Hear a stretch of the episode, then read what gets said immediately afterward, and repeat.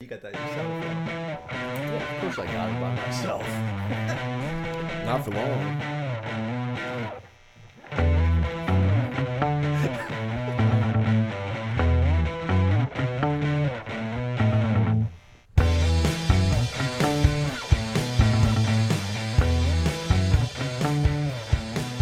Song's pretty tight. Who made it? I don't know. All right, Pot of Gold. Welcome back, everybody. Same crew. I'm Brett. I got Schneid here with me. Mike's here.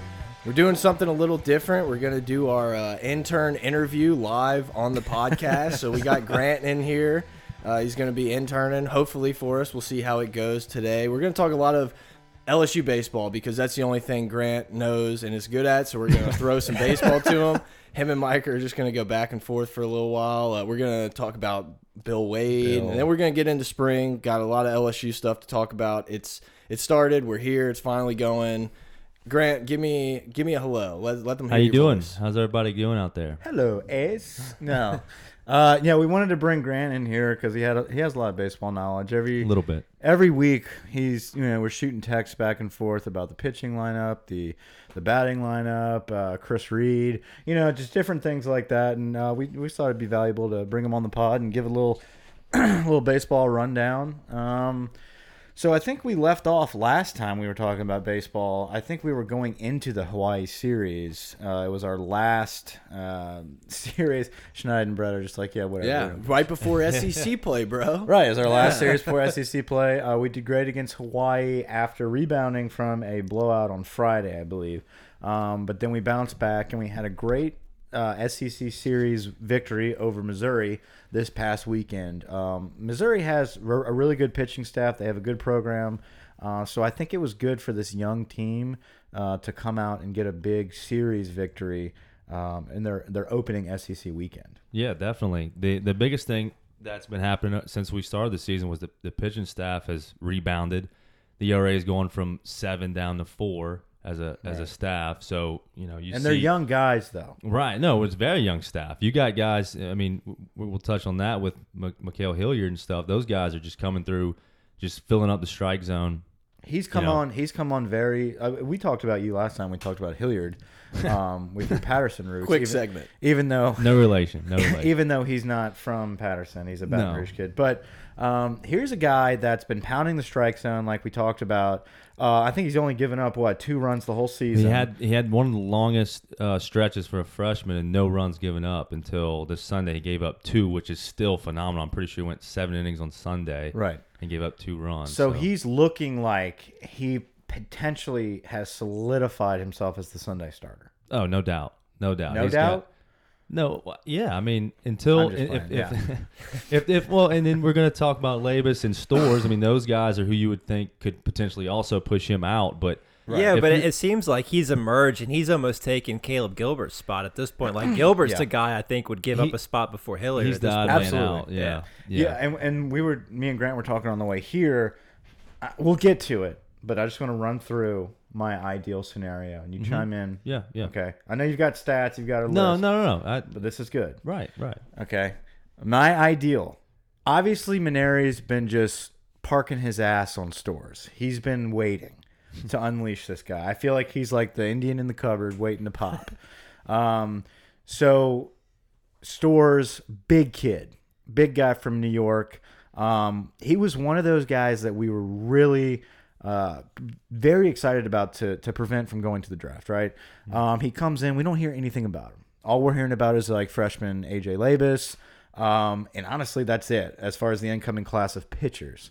Uh, so he's got a bone spur injury and we and he's been milking it. Uh, so all of a sudden now this week he's getting the start tonight against Tulane. So we'll see what happens there, but I believe he's only going to go an inning. With all that being said, if Storz is able to come out and live up to the hype that he had coming out of high school, I think Storz is your midweek guy. Okay, bear in mind he hasn't pitched in a while. I know he's, he's probably You want you want a live update? He, is it going to go with my agenda, or are you going to screw me over here? Well, by the time people listen, your agenda is either going to be garbage or on the spot. He, either hit an, another batter. Okay, but that's he, enough. He, That's he enough. did make a play on the mound. So there's one out, guy on second So and third. two But hit the- by the whole pitch in the point- first inning. Yeah, yeah. The hit whole, by, the whole point of him coming into this game for one inning is just to get that feel in a starting He role. needs experience. He's not there. It's a long season, and look what happened to us in the College World Series last year. Mm-hmm. We ran out of arms. We lost a guy that we were like, "Oh, Walker, he's the guy." Like he's our, sa-" and then all of a sudden, boom, snap of the finger, he's gone. Right. Well, I want to say he only threw 20 innings his last year in high school too, so he really hasn't pitched in a very long time. Right. So he's got all the tools. He, I mean, he gets it up there, and you want him to be that guy in the future. You don't want to burn him out this year like we did with Walker last year. So you want to ease him in and you know see what he can do. Right, and you ease him in, and so next year you have Labas, Storz, and Walker. Right. And Labas is still he, he he came on slow. We treated him slow. He had that injury. He's recovered well, and he's done well in all of his outings. And then Hilliard was always healthy, and he's just taking advantage of the numbers. You know, the guys Right. like Cam Sanders that that you know unfortunately had high hopes for in the midweek starter role, and he's But he's you know, still bombed. he's, still there though. Oh, I mean, he's definitely Sanders, there, I don't but- think Sanders is. but he's totally- not in the same picture No. as those other guys. No, he's not, and I feel like he has to be eventually if we're going to make a run in Omaha. Sanders, Oh, yeah. th- that is one of the guys. I'll get to that in a second. That has to come around as far as your midweek guy that can come out of the pen and give you three or four innings. So. If Storz comes around and is able to live up to the hype, that's a big arm guy. He touches 95 right now after the injury. Right. He comes in, he solidifies the midweek guy. Okay, so you've got Friday Hess. I think if Labas continues to improve, Labas is your Saturday starter. And then you've got Hilliard on Sunday with Gilbert as your first out of the pen for the entire weekend. First out of the pen no matter what. Then you can also pull Storz out of the pen because I would have him as my midweek starter. So you still have an inning or two that he can come in during a Saturday game, possibly.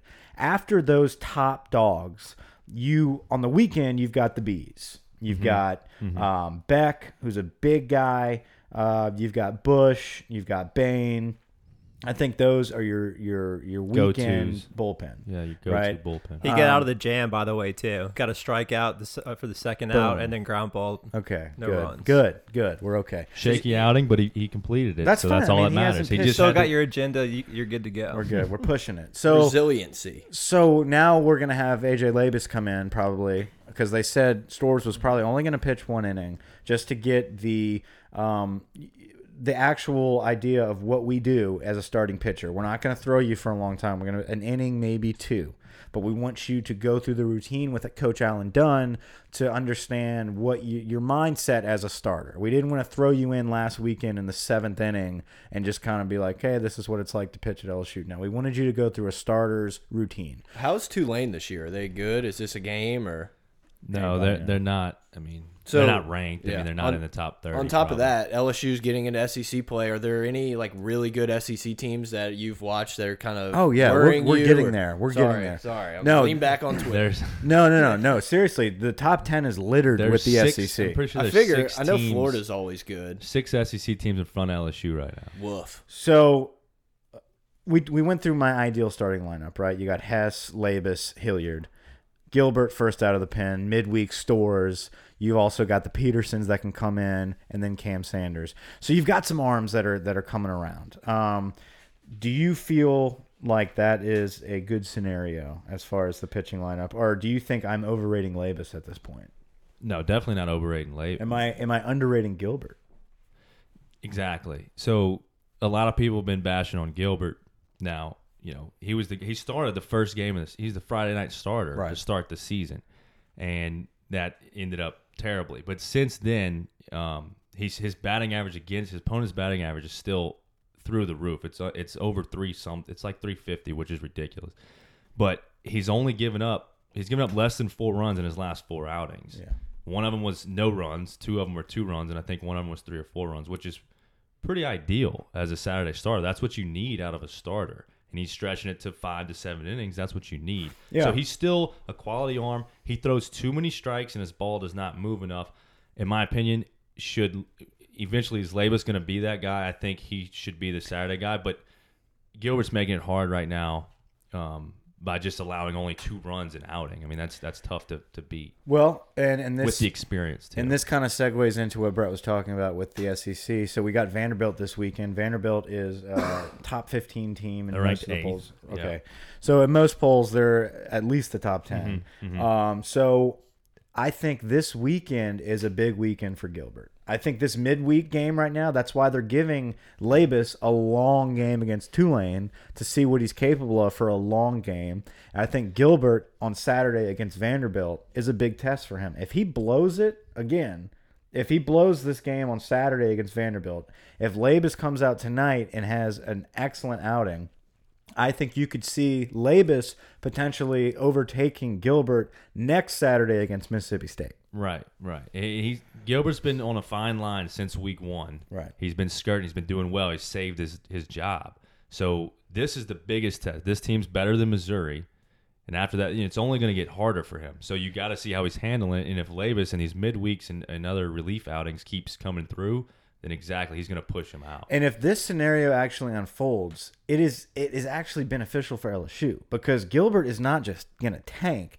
Gilbert is primed for that first guy out of the pen, give you three to four quality innings where he's pounding that strike. zone. That's been his role the last three years. Exactly. So, I mean, or two years. So, So that is ideal. Is Right. if Labas, uh, you know, exceeds expectations and Right. Gilbert is able to fill his natural role as a as the first reliever. and and then you can't forget. Mikhail Harris has already exceeded expectations, and that's why he's the one Sunday starter. That's why we're not even that- talking I don't even think we need to talk about him. He- You know, his he throws strikes. His curveball is unbelievable. It's it starts at your head and ends at Yeah. your toes, and you have nothing to do with A lot it. of movement. So the big thing is, is is if Storz can now just tie everything together, we have um, a really good rebound from Walker being sitting sitting out this whole year. Right. We've kind of recovered from that if Storz is able to come through, and they've kind of solidified their rotation. Um, you know, right in the meat of SEC play coming up. So um, you've got Vanderbilt coming up this weekend. Big series. They're better than Missouri. So we're going They to swept Mississippi State last week. Right. So you know they're on the rise. They're always a good team. Vanderbilt's always a good team. They have the Whistler, so you're gonna have to watch out for him on TV. Um, so bring your earbuds. Um, but after that, you got Mississippi State, and then a big one against A and M, who Brett is another top ten team. So you've got Jimbo Fisher. um, no, this is baseball. Oh, okay. Uh, so you, we've got we've got Florida, you've got A and M, you've got Ole Miss, you've got Kentucky, and Ar Arkansas. I think is right behind Florida up there. So all those Right. guys are like top ten teams. Yep, yep.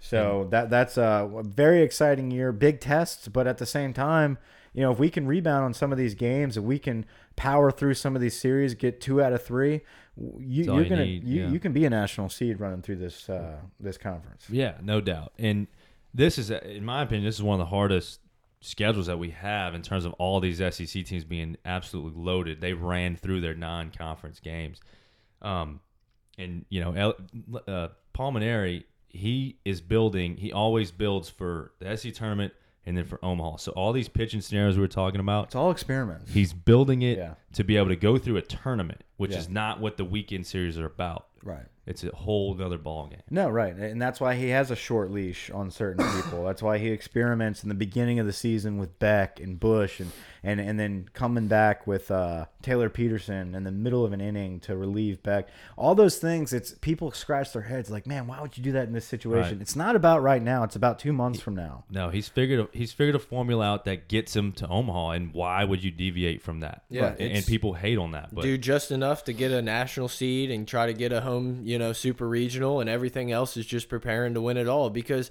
no one looks back and says who has the best regular season in the SEC, who won the SEC tournament. It's like, oh, how'd you do in Omaha? Two and Exactly. Q? Oh, Right. cool. Exactly, and that's why we get the guys we get. It's because we're always appearing in Omaha. We not, not always win it.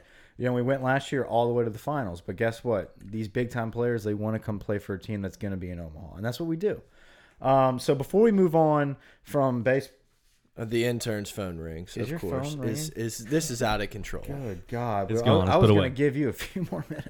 um, well, we no. didn't get on the offensive side. I was going to say before we move on from baseball, let's talk about the the hitters, man. Let's talk about the the runs that we've been scoring. I think our bat has has come alive the past couple weekends. Yeah, definitely, definitely. Um, the lineup we've been tweaking that just like the pitching rotation. L- Uh, Mainieri, he he tweaks it and tries to figure out what works, who can handle what. He's going to throw freshmen in there. He's going to see what they can do. Just like how Webb was getting a lot of time. Um, Exactly. Now he's now he's Right, gone. now you don't I mean, hear about him. And you've had guys getting hurt, so he's got to find depth. We're hope the the hopes at this point is from the latest thing we heard is uh, Smith will be back for the A and M series, and that's what's been the question mark with the infield with Reid. So we got what three weeks? About you got three- you got yeah. Vanderbilt, you've got Mississippi State, then you've got A and M. So by A and M, hopefully we get our All Star Josh Smith back in the lineup. Where does he go? Third base, or do you kick Hal Hughes out? It, it just depends on how he comes back and what. The, so these two neat two next weeks are, are the biggest audition for these younger guys. Bain's gonna have to if he wants to keep trying to bat. He's gonna have to figure out. He couldn't figure it out last weekend. The first SEC test, he couldn't figure out. He's Younger guys and Chris Reid. Exactly. So Cabrera, if he starts to figure it out more, he's got to be in the lineup because he can run. So we've been talking about Chris Reid. You know, uh, well, he's his own base percentage is over 500. He's got to be in the lineup Right. over Slaughter. But then again, Slaughter comes in and pinch hits and hits a three run bomb and gets runs on the board. Chris Reid isn't producing runs; he's just getting on base. So in my mind, you've got to find a guy, not Zach Watson, to lead off. That's number one. Because he hits the ball in the gaps, he produces runs. Are you pitching the idea of Chris Reid as a leadoff? I was earlier, but it's just a thought because he's always on base. But the other question is, obviously, can he score from second? We That's don't the know. He's thing. too He's slow. got to so, move. He challenged Mainieri to a race. Exactly. So the next two options, I I think you keep Duplantis at two or three, and the next two options are Brandt Broussard Yeah. and if Smith when Smith comes back. I mean, obviously that's what you would love to have, and then you put you keep Chris Reid at eight or nine with Hal Hughes down there at eight or nine if they're all in the and if they're on the lineup. I think the Bow brothers, it's always going to be a coin flip. Who's hit? I think it's a good problem to have. We have a lot of guys that are swinging the bat well, you know, on, on any given day. It could be righty lefty matchups. Yeah. Mainieri plays that game a lot, so And, and Bain gives you a unique situation though, um, coming out of the pen, but also being in the lineup exactly. because of the rules. Exactly. So as a DH or as a pitcher, we don't have to waste the guy. He's the one and the same. So it works out late in the game. We can get him at bat and have a chance to have a tying home run without wasting a pitcher or wasting a, another guy, a, a bench player, um, if it's going to go into extra innings. Bain train, man. I love him. I love me some Bain train. He's doing well. He comes out of the pen, man, and he, he pounds the strike zone. He's kind of our go-to closer at this point, um, but he also has been our clutch hitter. Um, you know, he, he has been kind of shaky lately, but he's not usually a batter. So he's got to go through those slumps and those struggles that uh, most people uh, have the opportunity to do already as as hitters their whole life. So um, we'll see what happens there. We have a big weekend, like we talked about, coming up with Vanderbilt Friday night. It is away. It's not going to be at the box, but we do return back to Alex Box the next weekend against Mississippi State. Should be an awesome series. I'm looking forward to that one. Um, anything else with baseball before we move on? I think that's about it. Um, they, I mean, they, they're they're doing. uh, They're, I think they're already exceeding most people's expectations, and you're only going to see them progress as the SEC Right. series goes. We don't know yet. We've only had one SEC series. Sure. but I think the the makings is there. The way the pitching staff is coming slowly coming together. We have been on the rise the past couple the past weeks. couple The weeks, we've been, we've been rising see- back up. Right, and, and everybody is is pulling together. We've overcome some of the injuries. The guys are getting healthier, and I think that first step is this week with Storz coming back, um, and then we have the news of Josh Smith potentially coming back against uh, A and M. So a lot of good news on the way with baseball. We'll keep you guys updated of any changes. uh, we love to diving into baseball, and we're really happy we brought, brought Grant in here. We're not kicking him out. Um, I appreciate He's it, guys. obviously going to be Transitioning into the hanging out, producer but- role, see how he can handle that. But This before, is the this is the nicest studio I've ever been in. It's nice. It's quality. Thank it's you. well built construction. it's uh, anyway. Before we get into basketball, guys, hit us up on Twitter at pot of gold, uh, Gmail pot of gold at gmail.com. Love hearing from the viewers, uh, Grant our viewers, listeners. Uh, so let I us know a what you think. Give give Grant a review. Rate and review us on iTunes. Let's hear what you think about uh, yay or nay to Grant being the intern. We're gonna leave it up to the people. We might put a Twitter poll up, but give me some Bill Wade action, Schneid. Like start it off. Yeah, so I mean, everybody's aware now what happened in the UL game. Um, so essentially, he calls the timeout with the game in hands. Everybody goes nuts. The coaches over there trying to, you know, come at Will Wade. Um, we were talking about before the podcast. It's just great to see a guy with his passion coaching basketball, getting LSU back on the map as far as a basketball program, and he's a guy that can walk the walk. You know, he's not he's not the Ed Orgeron politician type speaker. He's out here just telling it how it is. He doesn't care how it sounds. He's going to run his program the way he wants to, and the players are really responding to it. And he said, you know, we got the Cavalry coming next year with the good foundation that we've laid this year. You know, this could be a Sweet 16 team next He ain't year. scared. Yeah, not scared. Look, they played. I didn't get to watch a ton of the game, but they played Utah in the NIT. They didn't look very good, and they still somewhat made that game respectable. You know, they they showed a little bit of heart. It wasn't the best performance, but like you said, after the cavalry's coming. But the best part, like you said before, was Big Brother LSU Will Wade just just rubbing UL Lafayette in their nose into the mud and being like, "Hey, remember who Daddy is here." Like uh, we didn't. I'm not talking shit before the game. We're gonna prove it on the court and just remind you who's in charge here. And I just I loved it. I told you before, Trent Johnson. We're not seeing that or hearing that from Trent Johnson. Big Bird, no. Yeah, we he probably would have called he probably would have called a timeout to, you know, go back to the locker room so everyone left happy. It's like I just love this guy's passion. He seems like he loves LSU and it's only going to get better from here. I mean, it's just going to keep going. I'm all in. And he's he's very honest too about his approach. And and like you talked about is he he does want to rub it in. He does want to be the big brother. But when he said, "Look, guys, before this weekend, I never thought about UL." And to be honest, here's a guy he doesn't know anything about Louisiana traditions or anything like that. He doesn't know UL. So he was probably being very honest that before that weekend, he didn't even know UL. You know, and how big of a rivalry it really 27 is. games. Right, the 27 games, but he had their stats lined up and ready to be like, yeah, you, you know, they want to talk about this 27 games being qualified for a better seed. Sorry, bro. Xavier of New Orleans and, you know, Little, Little Sisters of the Poor does not count.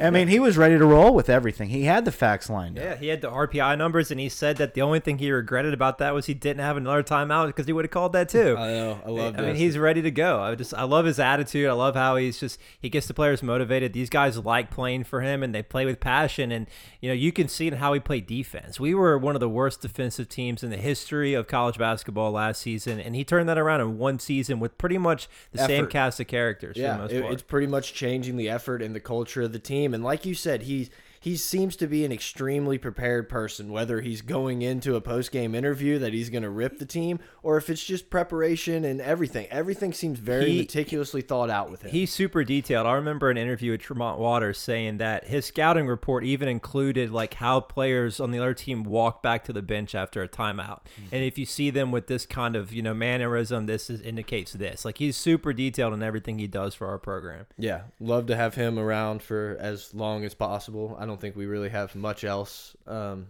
basketball. It or is anything. pretty crazy to think uh, this was this is year one for Will Yeah. Wade, right? Right. This was just year one. It feels like Will Wade has been in this program for a long time. And it's even more difficult, I think, with basketball because your recruiting numbers are so low. So you know, you get that first first year coach and everything. It's just everybody's just you you play with who you who's there type of thing. And football, there's so many people coming in, transfers, turnover. It's just different with basketball, and one guy can completely change your team, and hopefully three of them are coming in next year. Yeah. I do see the trajectory of Will Wade's career being up, and I think it's only up from here, um, and especially because of the recruiting we we see. It's easy to predict that based on the recruiting class he's come that he's bringing in. But I think it's going to be really great to look back one day and be like, man, you know, this is where it started. Was year mm-hmm. one with an NIT victory. Remember the big UL debacle, Yep. and like that's going to be how we remember his first year, and it only got better after that. Yeah, I mean, I love his vision for the program. I think, you know, for next year's team, we're going to have a great balance of experience and these one and done type guys with Naz Reid and Emmett Williams. Those are the teams that go far, the teams that have a little bit of leadership, and then the one and done guys that are really talented. And I just love his vision for the program too, because he said he's al- he's already looking at transfers because you know he knows that Naz Reid and Emmett Williams are probably going to be one and done guys, so he wants to get a JUCO guy that or uh, a transfer that can come in and sit out for a year, be in the system, and be ready to go after that. So he's just he's a planner. He's got things ready to go. Good to see a coach being prepared for situations. Isn't that, isn't that nice? I had something and I just blanked out on it. It was Something about Bill Wade too. Oh, what I was gonna say is I'm not gonna try to get too excited here and and sunshine pumper, but this is the type of guy that I could see a few years down the road where he's looked at like a Brad Stevens is. Like this mm-hmm. guy is the young and up and comer. He gets everything, and I- I think in a few years, when jobs like Duke and other these things, if this guy keeps progressing like he is and builds the program like we think he's going to, he's going to be one of those names that's going to be thrown around for those big name jobs. And I mean, it's nice to have someone that you think is going to do that because, and I mean, I don't. I don't want to bring in football just yet, but you know, Trent Johnson, for example, we got Trent Johnson. We're not like, oh man, hopefully somebody doesn't snatch him away from us. You know, it's like a good problem to have if the, your coaches are going to move on to other jobs. Hopefully he stays forever. But I could see this guy. I would love for him to be our ranks. stepping stone, man. Yeah. Like, if we are his stepping stone, that's fine because we know that we had success and he brought us. Uh, you I know, know.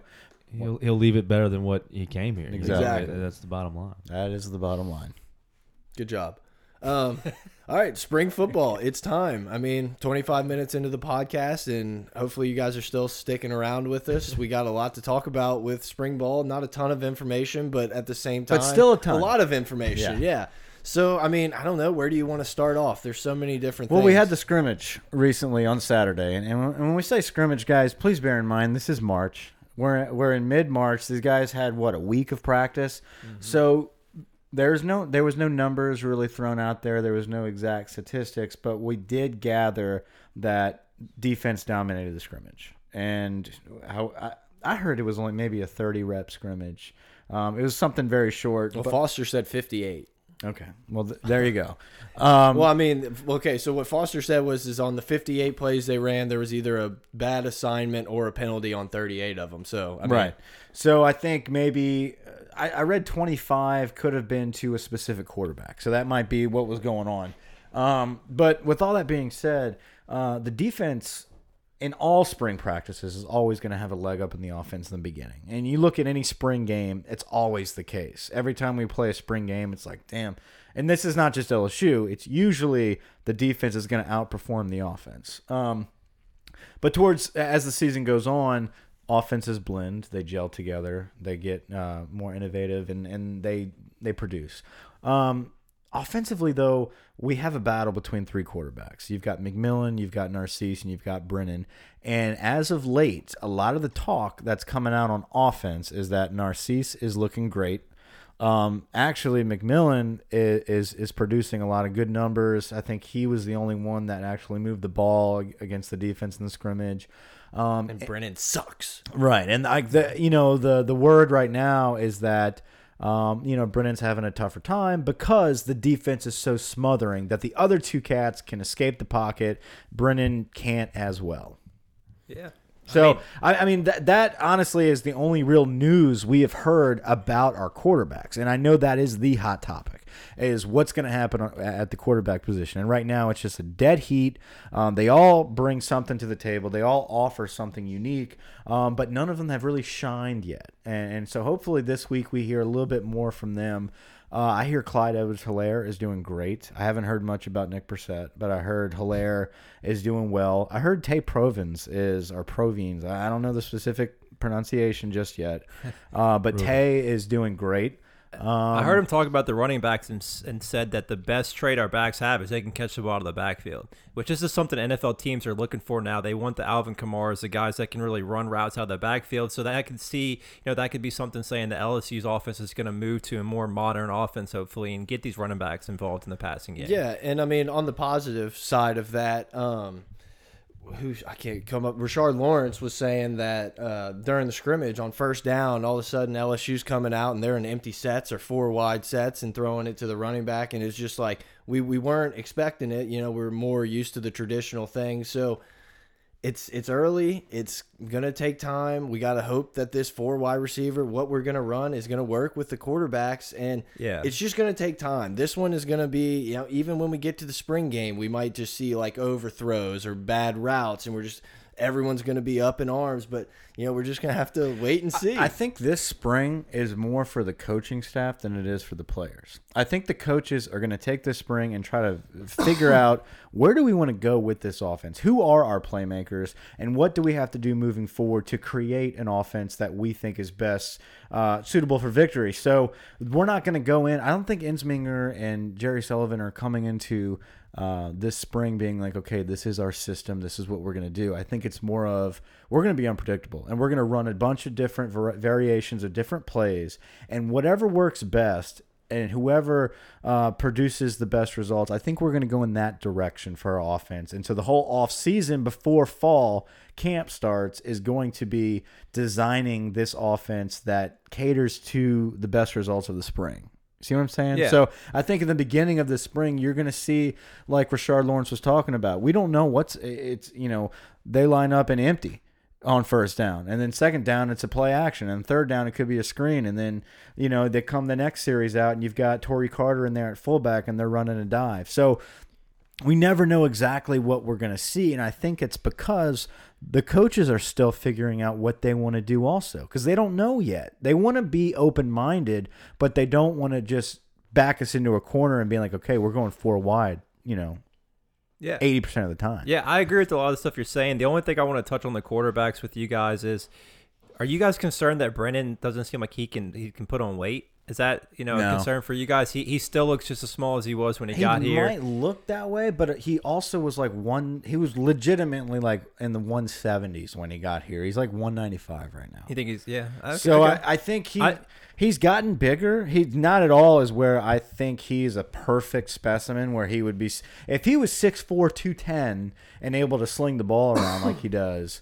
He wouldn't probably yeah. be at LSU. Well, I, Right. I, I guess where I'm going with this is when you're at Orgeron, you have to be selling these guys on the next man up. You know, you don't want any, any of these guys to transfer because you're one play away from stepping on the field. You know, Yeah. you got Brennan, who's a smaller guy, and you got Narcisse, who has an injury history. We need these guys to stick around. I think that's a big part of keeping the competition open and keeping Yeah, the no, guys I think the competition deal is absolutely a, a ploy to keep all three quarterbacks on this roster for this upcoming season. I don't think he wants to lose McMillan, uh, Narcisse, or Brennan. I, I think he wants. I think Ed wants to see Brennan be the guy. I kind of feel that way, just based off of last season, having him play a lot more um, than anybody else, especially McMillan, who has been in the program longer. He could have easily had him back up Danny, but he had Brennan there. He wanted to groom him.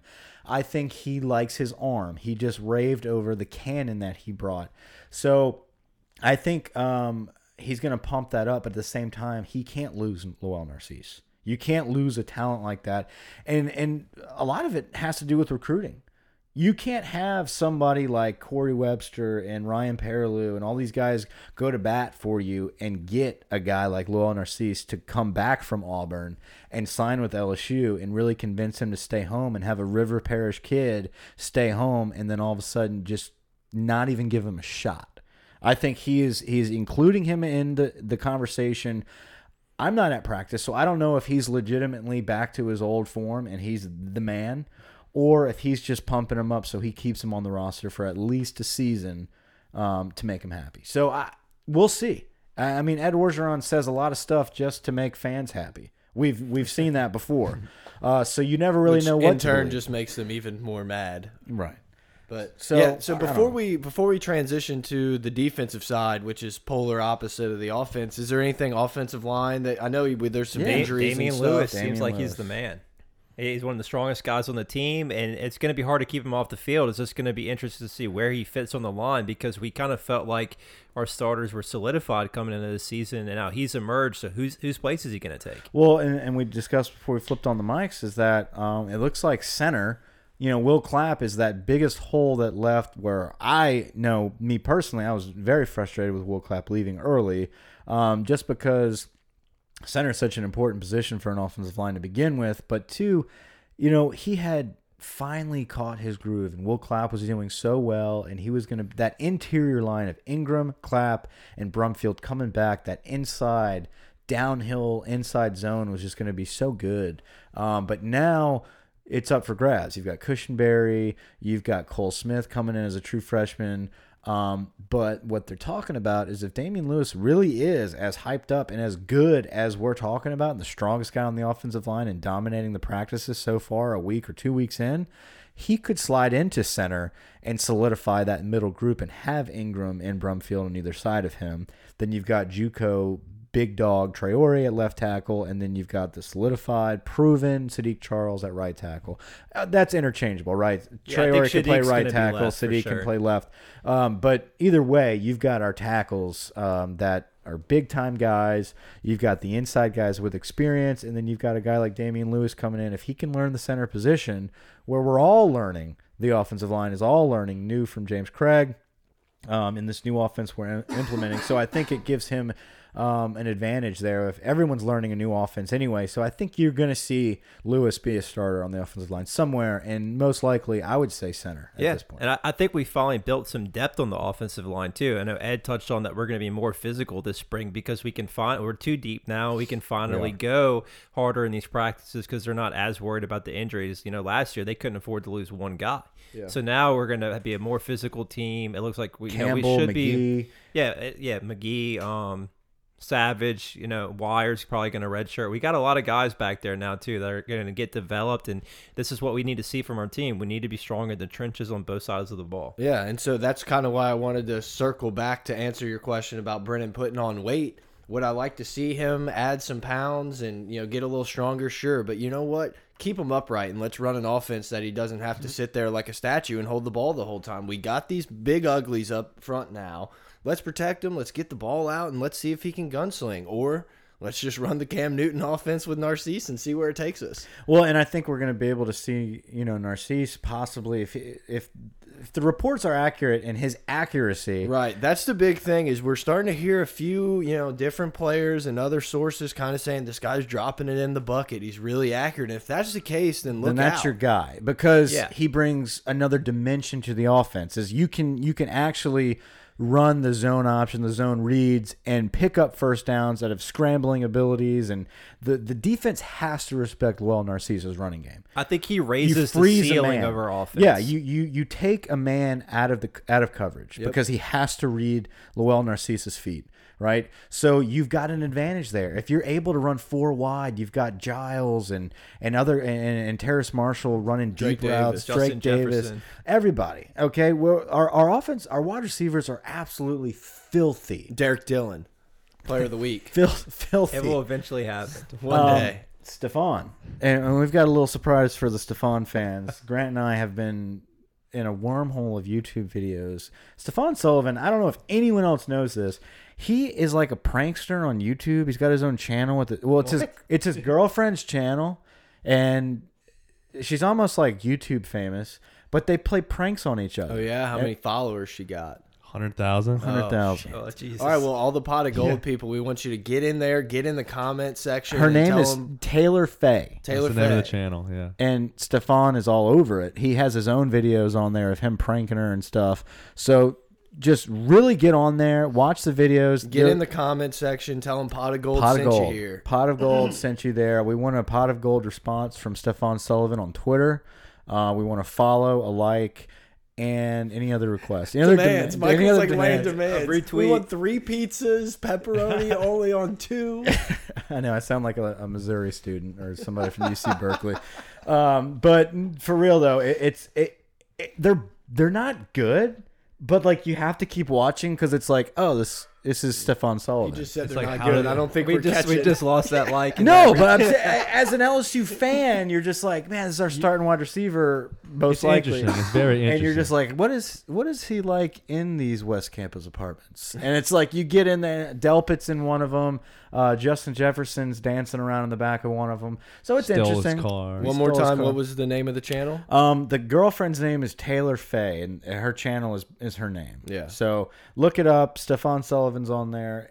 Interesting side note there. So, um, but what we were talking about is we have all this wide receiver talent. We don't even talk about like Racey McMath, um, and Jaray Jenkins, and and your boy from Berwick coming in. Yeah. Um. so his name, Grant? Keenan Lewis. Keenan Jones. Keenan Jones. So um, we're gonna have to This throw resume is marked up with just notes by me, just like not here, not. Got the red pen out there? Yeah, yeah. If we Would you like a coffee? Yes, I would. He did get me a cane break earlier. He did. Official sponsor? No, not yet. Not yet. Uh, so what I- the point is, if we're able to throw the ball to all these guys, but you also have the added dimension of a downhill runner. Narcisse is not just a shake and bake. This is a big kid. He's the Yeah. biggest quarterback on the roster. Um, Probably 235 plus right now. yeah, he's just he's huge, and he can he can run you over. He's got wheels. I mean, that is what made Narcisse Narcisse in high school is that he just ran over everybody, ran circles around you, and then would run through you on fourth and short. Like that's him. Yeah, I mean, there's a lot of times you watch these kids' high school films, and some of them you're like, "Oh, this dude's really good," and some of them you're like, "Is this guy playing the junior high team?" Yeah. Because he looks so like head and shoulders above everyone, and that's kind of how Narcisse was. He was Cam Newton out there, Right. just running all over people and doing all that stuff. And he was, so- and that's why Auburn was Yeah. all over him, and that's why he committed to Auburn for a long time. So, um, but then you got Brennan, and it's just like, man, this guy is like your seven on seven champion, elite eleven quarterback, just gonna go through five arm. progressions per play. And Yeah, I mean, like, it, listen, it doesn't matter if there's three linebackers five deep. He's going to hit that slant right between all three of them. You know what I'm saying? Like he he's just pinpoint accuracy, um, just a total student athlete. Where uh, a student of the game, like he comes in and just loves learning, fundamentally sound, just really epitomizes what you want of the quarterback position. So it's a good battle to have. But then all of a sudden you got Justin McMillan, who's got all the experience on all of them, um, who's got a little more. They, they say he's just a little smarter than them um, as far as in-game scenarios, which I don't really understand because he's never actually played. Brennan's got more experience in game. Yeah, but I mean, Yeah, this but he learned experience under you're talking about is in in the game is from practice, He's and I think he's he's had too. more practices than any of them. yeah, he learned under one of the best in the game. So I'd love to see if the hype of Giles is real. yeah, I think that's I one of the biggest storylines. Is this guy walks in, gets number seven, is automatically like our punt returner, is automatically the kick returner. He's the just he's the only guy that's got a solidified spot at wide receiver. It's like, dude, he's the only one that hasn't played. I almost don't think there's any doubt that he is. Uh, I mean, you take his talent that he has, what he's done at Texas Tech, and then now we have Jerry Sullivan, who's one of the best receiver coaches in the game. I think you're going to see improvement from all of these guys across the board. And he's a guy that, by all accounts, last offseason was already the best one on the team. I'm not doubting it. I'm just saying it is a storyline. Yeah, it is sure. something surprising for a school of the caliber of LSU to have someone walk in as a transfer and be the guy. A lot of former players did not like him getting number seven. I know I think Jamal Adams Yeah. has said something about it, but I, I think he's going to back it up with this play this year. Well, listen, if he can come through and then Breiden Fehoko comes through, man, thank you, Texas Tech, for Yep. adding two huge pieces to the puzzle. Uh, Fajoko talked about how he told uh, Ed Orgeron, look, get this guy on. Get this guy on board because he will be the best receiver in the country, and you'll have him. He'll be the best receiver, easily be the best receiver at this school, and he believes that. I mean, he's played with him. He's seen it. So, um, with that being said, let's transition to Breiden Fehoko and the defensive line. Yeah, you know, Dominate. I mean, the we can just insert whatever year you want, and this is how we talk about the offense. Ton of talent, and hope it works out. And it's just going to be a wait and see game. And I, I mean, I don't know. I've been confident a lot of years, but I, I honestly feel like we're gonna at least throw the sink. We're at least gonna give it a shot, whether it works out or not. And I mean, you can blame it on Ed and Ensminger, whoever you want, but I think we're gonna actually give it like the run and say, you kind of like you ask for it. Here's the offense everyone wanted, and we're gonna go down swinging maybe. But let's transition to the exact opposite of that. Something that we know is gonna be a rock solid foundation of the team. It's been uh, for the past two decades, and it's to be the defense. Dave Aranda's and Devin White led LSU defense. Yeah, Chinese bandits. now, Aranda finally gets, and they talked about it this week, is Aranda finally gets to come out and put everything on the line. It's not a basic defense of Dave Aranda anymore. This is everything he's been installing for three years now. He's letting it all loose. He's not just letting it all loose he is letting it loose with players that are really freaking good on every single level of this defense. You've got you can go through the defensive line: Rashard Lawrence, Breiden Fehoko, and Ed Alexander, up front. yeah. Okay, so behind them, behind Ed Alexander, you got Tyler, Tyler Shelvin. Um, you've got Neil Farrell. Farrell. I mean, just across the board, Glenn Logan. Our defensive line is finally up to par. We don't just have one guy and the other two are just kind of huffing and puffing and filling up space. Potentially have a good game, and then the next week they're just you know giving up ten yards on a on a zone play. We have those guys across the board that are gonna be dominant. You've got a stand up guy with with uh, Chaisson, who behind him is just like, dude, Yeah, Andre Anthony, Ray deep. Thornton, Michael Divinity, Travez Moore, Jarrell Cherry. Like we're just we're loaded at that buck linebacker spot. loaded. We got so many. You finally have Andre Anthony back healthy, and it's like, dude, Mm-hmm. he might be the weakest link. Yeah, I think what they're going to have to move Divinity or Thornton over to the other side, and then you know you got Devin White. I th I think I've heard some things on Jacob Phillips. Jacob Sounds like the lights coming this on for him. week is over Tyler Taylor. Yeah, I don't know if that's just hey, this is your week. Last week was Taylor's. We'll see how that works. But that they say is the biggest competition of Mm-hmm. the defense this spring is Tyler Taylor versus Jacob Phillips. yep. And hey, it sounds like Baskerville is coming around as a fresh early enrollee, and then Yeah, Patrick and we saw Queen's that. athletic. I mean, Queen is the direct backup to White. Yeah. So anytime White needs a breather, we're going to see Patrick Queen in there. Um, Baskerville is one of those guys. It's probably going to be. I think Baskerville is going to be your guy on kickoff team. Like he's going to be all oh, over the special He's going to be a headhunter out there. Um, I think Damone Clark is going to be on special teams as well. Mm-hmm. We don't. We haven't really heard anything. For, he's not in spring. I don't think he's an early enrollee. I think he's a guy that you could see on third downs potentially because he he's played safety in high school and he could really excel in that coverage role as a linebacker. I Yeah. think he could do great covering a tight end or a running back out of the backfield. If you had to put money on it today, Phillips or Taylor? Phillips. Yeah, I think Phillips is one of those guys that maybe has a little bit higher ceiling. Maybe Taylor was more ready early, but Yeah. this guy just seems to have just a little bit different potential. It Yeah. just seems like he can maybe be one of those guys that everyone's talking about, not just like LSU fans type of thing. Yep. So I mean, I really like that. Well, And- for the Stargazers, he was a five. Oh yeah, see, I don't really know. I don't. Yeah, I mean, sure, go for it. What was Taylor? Four. Oh, so I was right. All right. Yeah. All right. Two four seven. Uh, No, so that's a big competition. Um, but uh, dude, the that's a, an individual competition for this one spot, and I think that behind that, the biggest one is going to be safety. Yeah, What- we've heard a lot about do you- Eric Monroe coming out Eric of camp. Monroe, and what do you do with Jacoby Stevens? That is a wide receiver. specimen that you Yeah. have to have on the field. He's the biggest safety we have, one of the fastest, if not the fastest safety we have. And then Delpit. you can't bench Delpit, but do you play them over Battle and Paris? I mean, I think these guys, I mean, no offense to Battle, they're just more talented than him. I would love to see him take on like a leadership mentor type role in that backfield for these young safeties because I just think they're more talented well, than he is. and if they are, look, no offense, well, like you said, like this isn't you know junior high. This is college football. If you're not the best player, you're not going to play.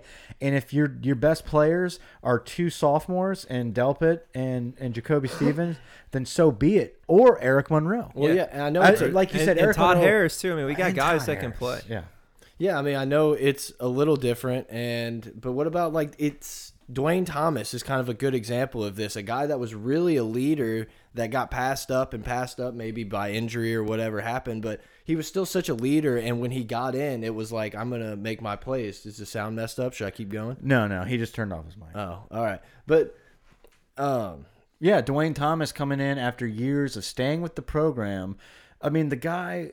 Battle's a guy who can contribute. He just Brooks probably is- not the best one. Yeah, Ron Brooks is a good example. These guys were leaders of the team that weren't necessarily the Patrick Petersons that everyone was watching and, and playing. on. You you got to find a way to get these guys on the field. If you bring in Monroe on some, uh, you know, some passing downs and let him blitz off the edge, you just have to find a way to get him involved. I think Monroe's gonna. Uh, Monroe is a headhunter. He's Yeah. a downhill guy.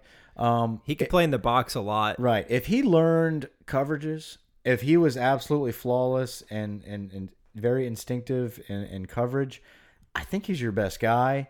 Uh, because Delpit Delpit was very downhill. He was very aggressive in the box, but he just didn't have as perfect tackling skills as Eric Monroe. I mean, Monroe. Anytime Monroe has a bead on you, you're getting stopped. Not to say Delpit wasn't there. He's just younger. Yeah, Yeah, and he- the he game gotta going to slow some- down. The Right. game's going to slow down for uh, these. and obviously he's gonna Delpit's going to be weight. better in the end. I'm just saying right now, um, or last season, Eric Monroe is your surefire tackler. He's going to come downhill. He's going to knock your head off. Okay, um, if he got it in coverage, he's your guy.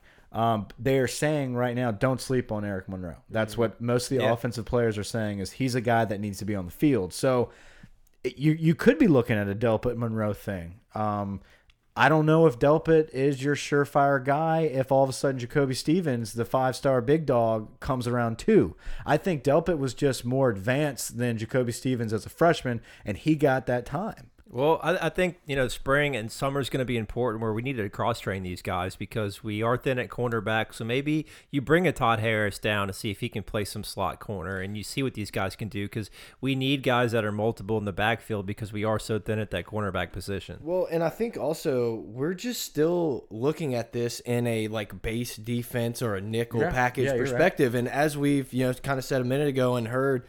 It's going to be a lot different, and it's very possible that Aranda is going to see what he likes, and it says, you know, I really like when this one drops instead, or this one blitzes, and so we could end up seeing so many more people on the field than normal just for specific blitz packages and stuff. I know Foster Moreau said they were throwing things at him that he had never seen before. It's only week week one of spring Yeah. too, And they've implemented such a thing. And you know, when Dave Aranda got here, we were just like watching this Wisconsin film and saying these linebackers and oh my mm-hmm. god, this nose He's only tackle got one down dropping. lineman. Yeah, and those type of things, and we just haven't really seen that yet. But now it seems like that's what we're gonna get, and we're gonna just see these athletes playing fast and flying around and dropping here, blitzing from here, and I just can't wait. It's it's truly unbelievable how much Dave Aranda has increased his value or stock or worth by just running base and nickel defenses for the most part at LSU. Like he's just kind of playing with a half deck. It's it's awesome. I mean, I'm really happy he decided to hang around, and hopefully we can keep him forever. And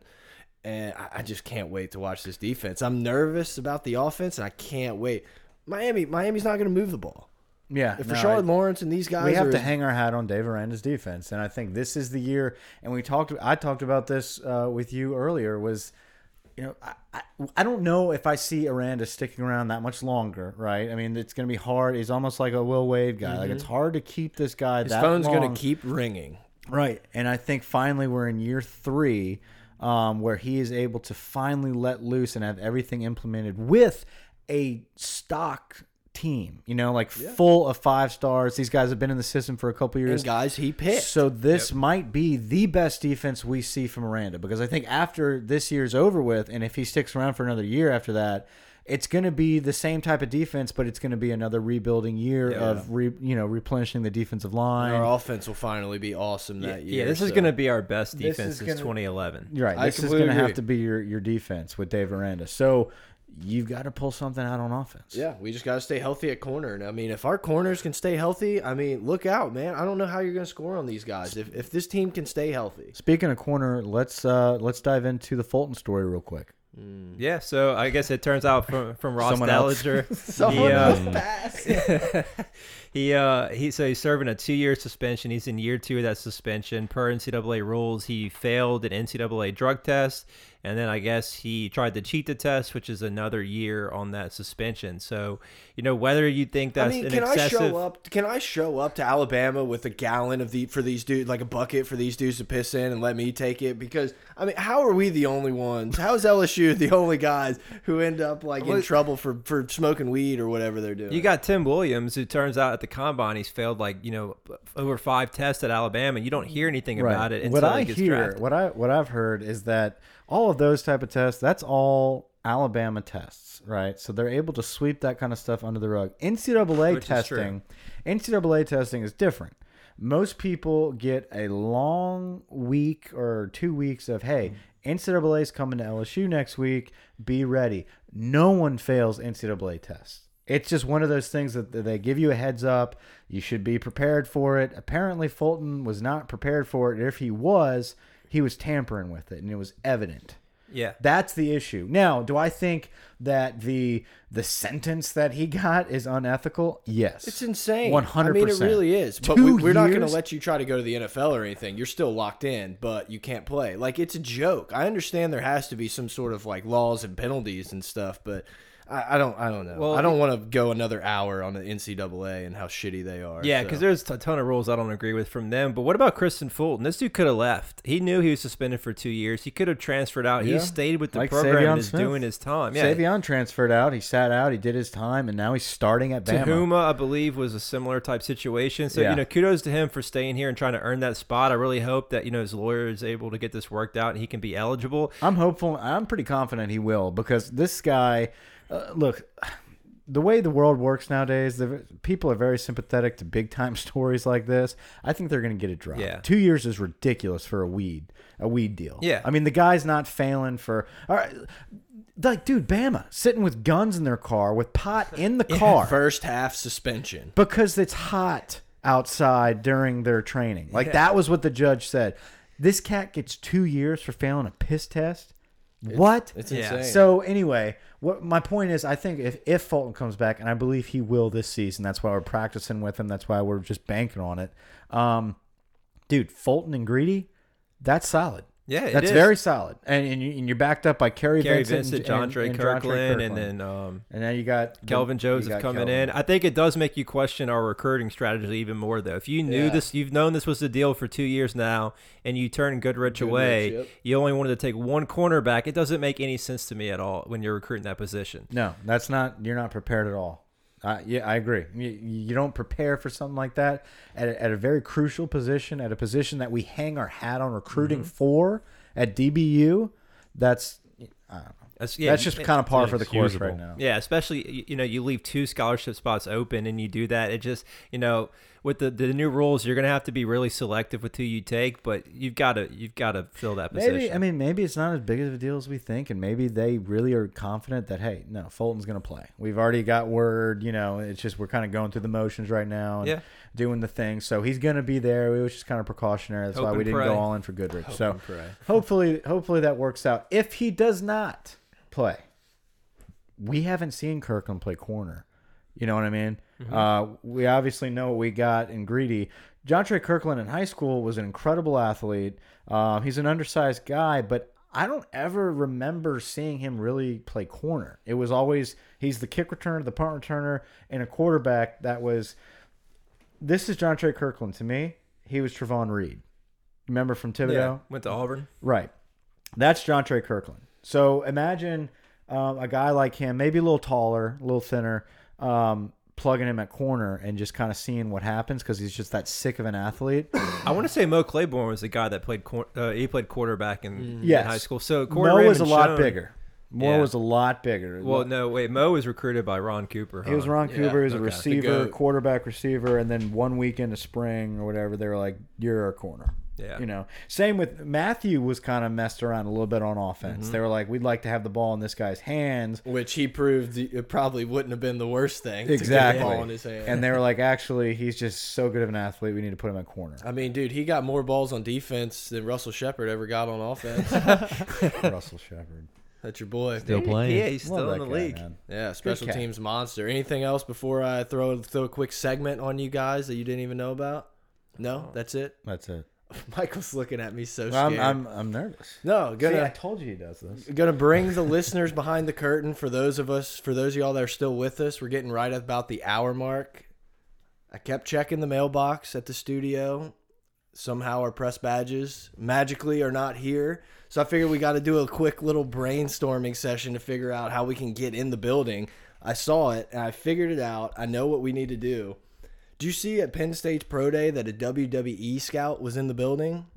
What? WWE scout in the building. So I'm trying to figure out. I think we either need to XFL scout or that AAF, whatever this new bullshit football league. XFL. no, there's another one coming out. The guy, the NBC Dick Ebersol, who was with Vince McMahon on the XFL thing. Like, Oh, the, the spring football league that Yeah. uh Dwayne Thomas is playing Sure, in? there you go. I don't, I don't, I don't know all the logistics, man. All right, I, this is That's your job, though. session. Yeah, I know. That's I'm, I'm, I'm This is your my job. segment. Yeah. So uh, I don't know, man. I'm trying to figure out how we can get in the door. Maybe we can uh, pretend to be. Is this why you wanted to go to WrestleMania? Yes, yes. Well, we will be in attendance at WrestleMania. Look for me. I'll be the guy with the Danny Etling is a good quarterback sign. so check that out. Um, but seriously, we got to figure out a way. Uh, we're we're gonna start hammering Michael Bonnette on Twitter again. We got to get boots on the ground. We're trying to give you guys as much information as humanly possible. Taking you behind the curtain. I mean, I don't know. What? Give me another. Do we have any? No, other but I mean, if? Derek Pomansky has a job, we can get this. bruh, let's not. If Sam Spiegelman has that much access, Yeah, but he throws up those eye emojis on Twitter all That's the true. time. Our emoji game is kind of weak on yeah, Twitter. it's not as strong as his. we should, you know, we should drop a top ten. Yeah, I, I'm in. I'm in. Let's rate, rate and review. Uh, no, but like, dude, what are they hiding from us? From the 15 minutes of ball warm ups that we can't be allowed to see. You know what I'm saying? Like, Yeah, but this isn't just an LSU thing. This is a, every school does this. Yeah, totally off topic. yeah, but not every school has a legit podcast like us. yeah, that's true. That's true. I know I kind of started this, but it just popped in my head. I saw that Nick Saban said Tua like hurt his thumb or something at practice. So hopefully it's a three year nagging injury and then he'll get healthy and move on to the NFL. Doubtful. I Doubt- mean, no, he's- Yeah, they're gonna somehow keep him and Hurts. It's just unbelievable. Yeah. yeah, they're gonna have them both. They're gonna. Uh, they'll probably stay th- like as fifth year seniors or something. and then Butch Jones will be nursing. The them. intern. Speaking of interns, anybody want to do any any review? I thought the baseball segment was great. His producing skills average at best. The phone call, the phone call really threw me off. I mean, come on. It was text message. It was a text, Group multiple Yeah. text. Group. Oh, okay, all right. I don't think the listeners heard, but Grant answered a phone call in the middle of the Did segment. not answer a phone call. They turned the mic off.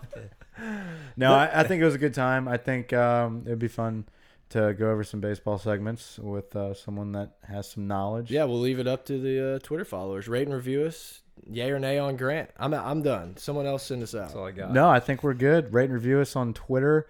Um, rate and review Grant on Twitter. Rate and review Pot of Gold do all the rating all on the reviewing. iTunes. Anyway, we're rambling here, but guys, thanks for tuning in. Next week we'll have more to talk about. Um, baseball. We've got Vanderbilt coming up this weekend. We are scrimmaging tomorrow, actually Thursday football scrimmage because the guys are being let loose for spring break. God, please, please be with these kids and don't let anybody get in trouble. Uh, we don't want to have any news about any more Uh, No failed Baker drug Mayfield tests, type of situation. no fights. Just guys, you got a big season ahead of you. I know y'all are all listening to our podcast. Be safe out Yeah. Tory, spread the word. All right, guys, have a good spring break. Over and out. Wish I had spring